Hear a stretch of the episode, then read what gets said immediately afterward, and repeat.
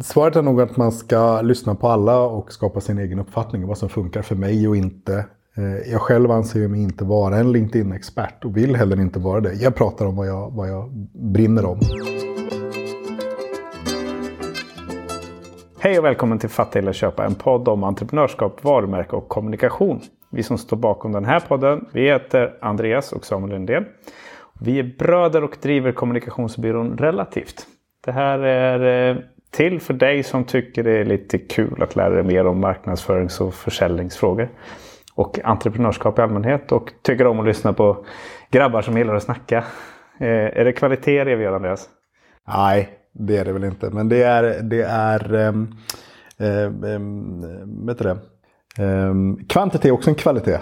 Kvantitet är en kvalitet i sig. Det är ett eh, gammalt militärtekniskt eh, ordspråk tror jag. Rent ja, jag tror att det är Stalin, men jag vet inte. Vi ska inte Nej, vi ska inte snöa in. Andreas är också galet historieintresserad så det kanske blir en eh, historiepodd vad det lider också.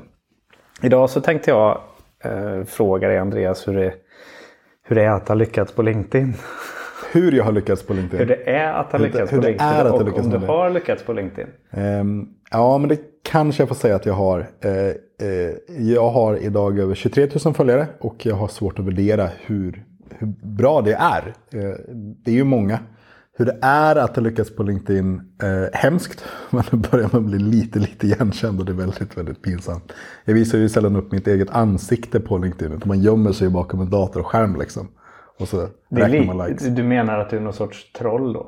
Ja, det kan Ja, fast jag passar mig noga för att, sprida eh, hat eh, som troll. Utan tvärtom bara lyfta positiva saker. Ja, men det, det kan väl säga då som objektiva bror och affärspartner att det är väl eh, ditt, ditt internetpersona är mycket trevligare än du i verkligheten. Ja det stämmer, det stämmer verkligen och det är ju, det är ju medvetet, den är ju konstruerad. Och, eh, och det är egentligen Eh, regeln när jag postar online på LinkedIn är att alltid vara positiv. Att inte lyfta upp det som folk är fel eller på något sätt utan bara lyfta upp det jag tycker är bra. Och det har gjort min online-persona väldigt, väldigt trevlig att ha att göra med.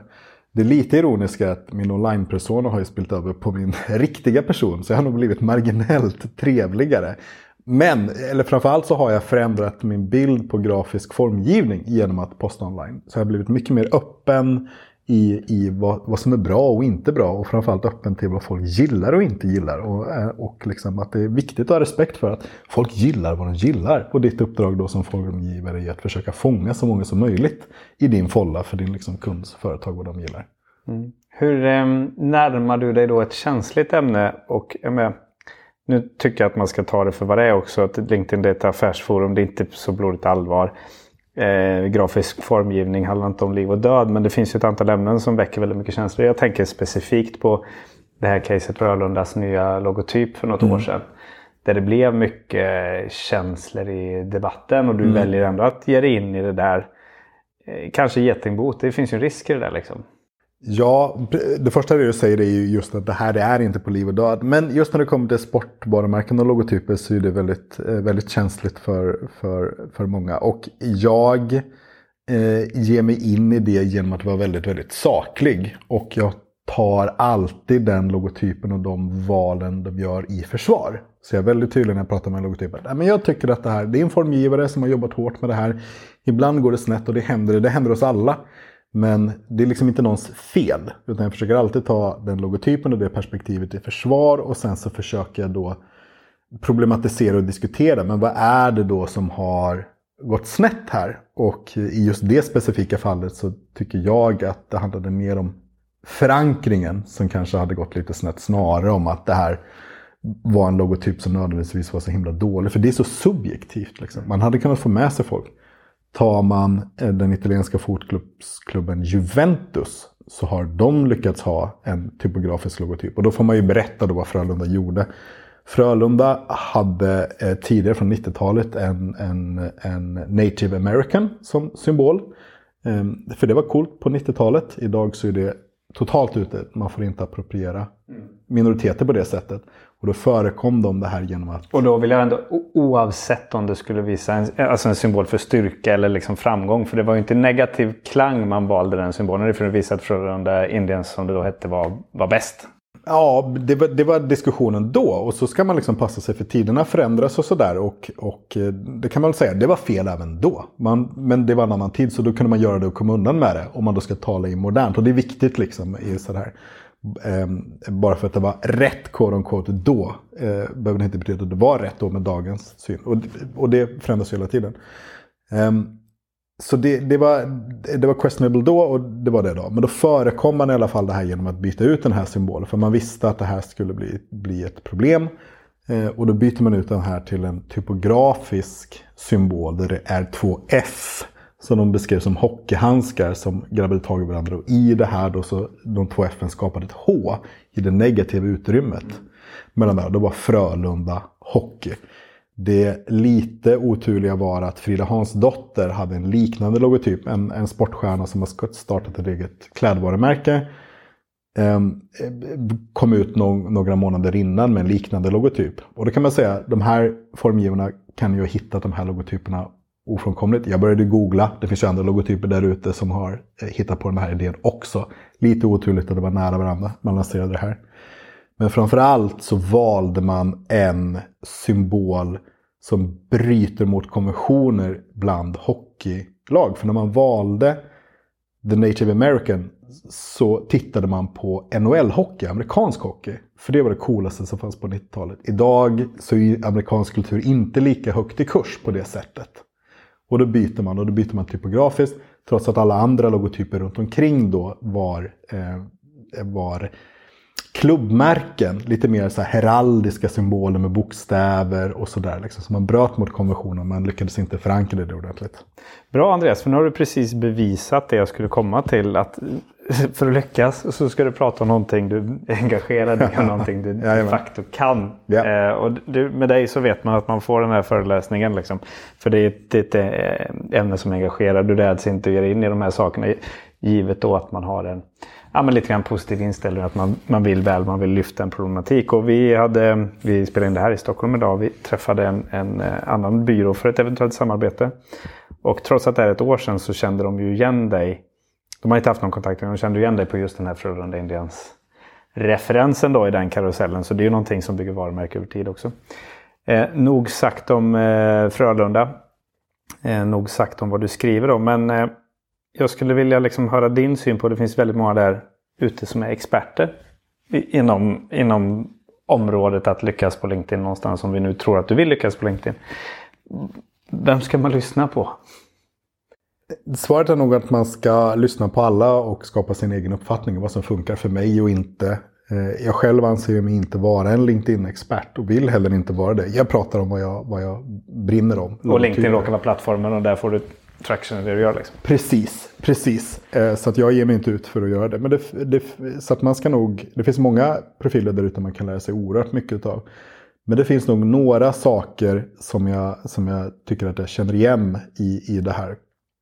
Eh, nummer ett är ju att börja prata. Att finnas överhuvudtaget. Våga sig ut. Nummer två är att vara konsekvent i överhuvudtaget att posta. Göra ett inlägg varje vecka om det är nu ditt mål så att det finns där ute för folk att börja känna igen dig. Och sen prata om det du vill sälja. I mitt fall så vill vi eh, rita varumärken för företag, därför pratar jag om varumärken. Eh, jag pratar inte om något annat. När, när eh, Sverige vinner Melodifestivalen så pratar jag inte om det. För att jag tycker inte att det styrker min affär. Därmed är inte sagt att man inte kan göra det. För det finns ju de där ute som säger att men det här skulle du kunna koppla till ledarskap eller vad du vill prata om. Och det är helt okej. Okay, men jag har valt att inte göra det utan hålla det stringent till vad jag vill sälja. Så det tror jag de är. Att prata överhuvudtaget, prata frekvent och prata om det du vill sälja. Och visa lite personlighet i ja. det. Liksom.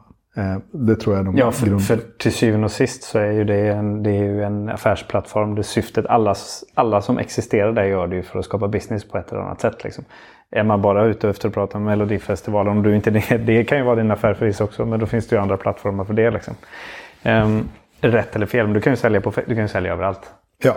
Och det är, jag tycker också det är viktigt att man använder de plattformarna man gillar och det som, det som funkar för att driva sin affär framåt. För till syvende och sist så behöver man ju kunder för att kunna, kunna överleva och göra det man, det, det man gör. Liksom. Um, jag har eh, en fråga och det är hur du orkar hålla i. För jag vet ju hur många timmar. Du kommer ju säga att det går fortare än vad det verkligen gör. Men det är ju tankekraft och liksom tid att producera de här karusellerna som du gör. Vad är det som gör att du orkar hålla i dem? Planering. Eh, jag, som konstnärssjäl så är administration och planering ja, jag, jag, jag, tappade hakan här, det syns ju inte. Men planering kan du utveckla. Nej, men jag, jag har bestämt mig för att jag ska posta två gånger i veckan. Och då håller jag det.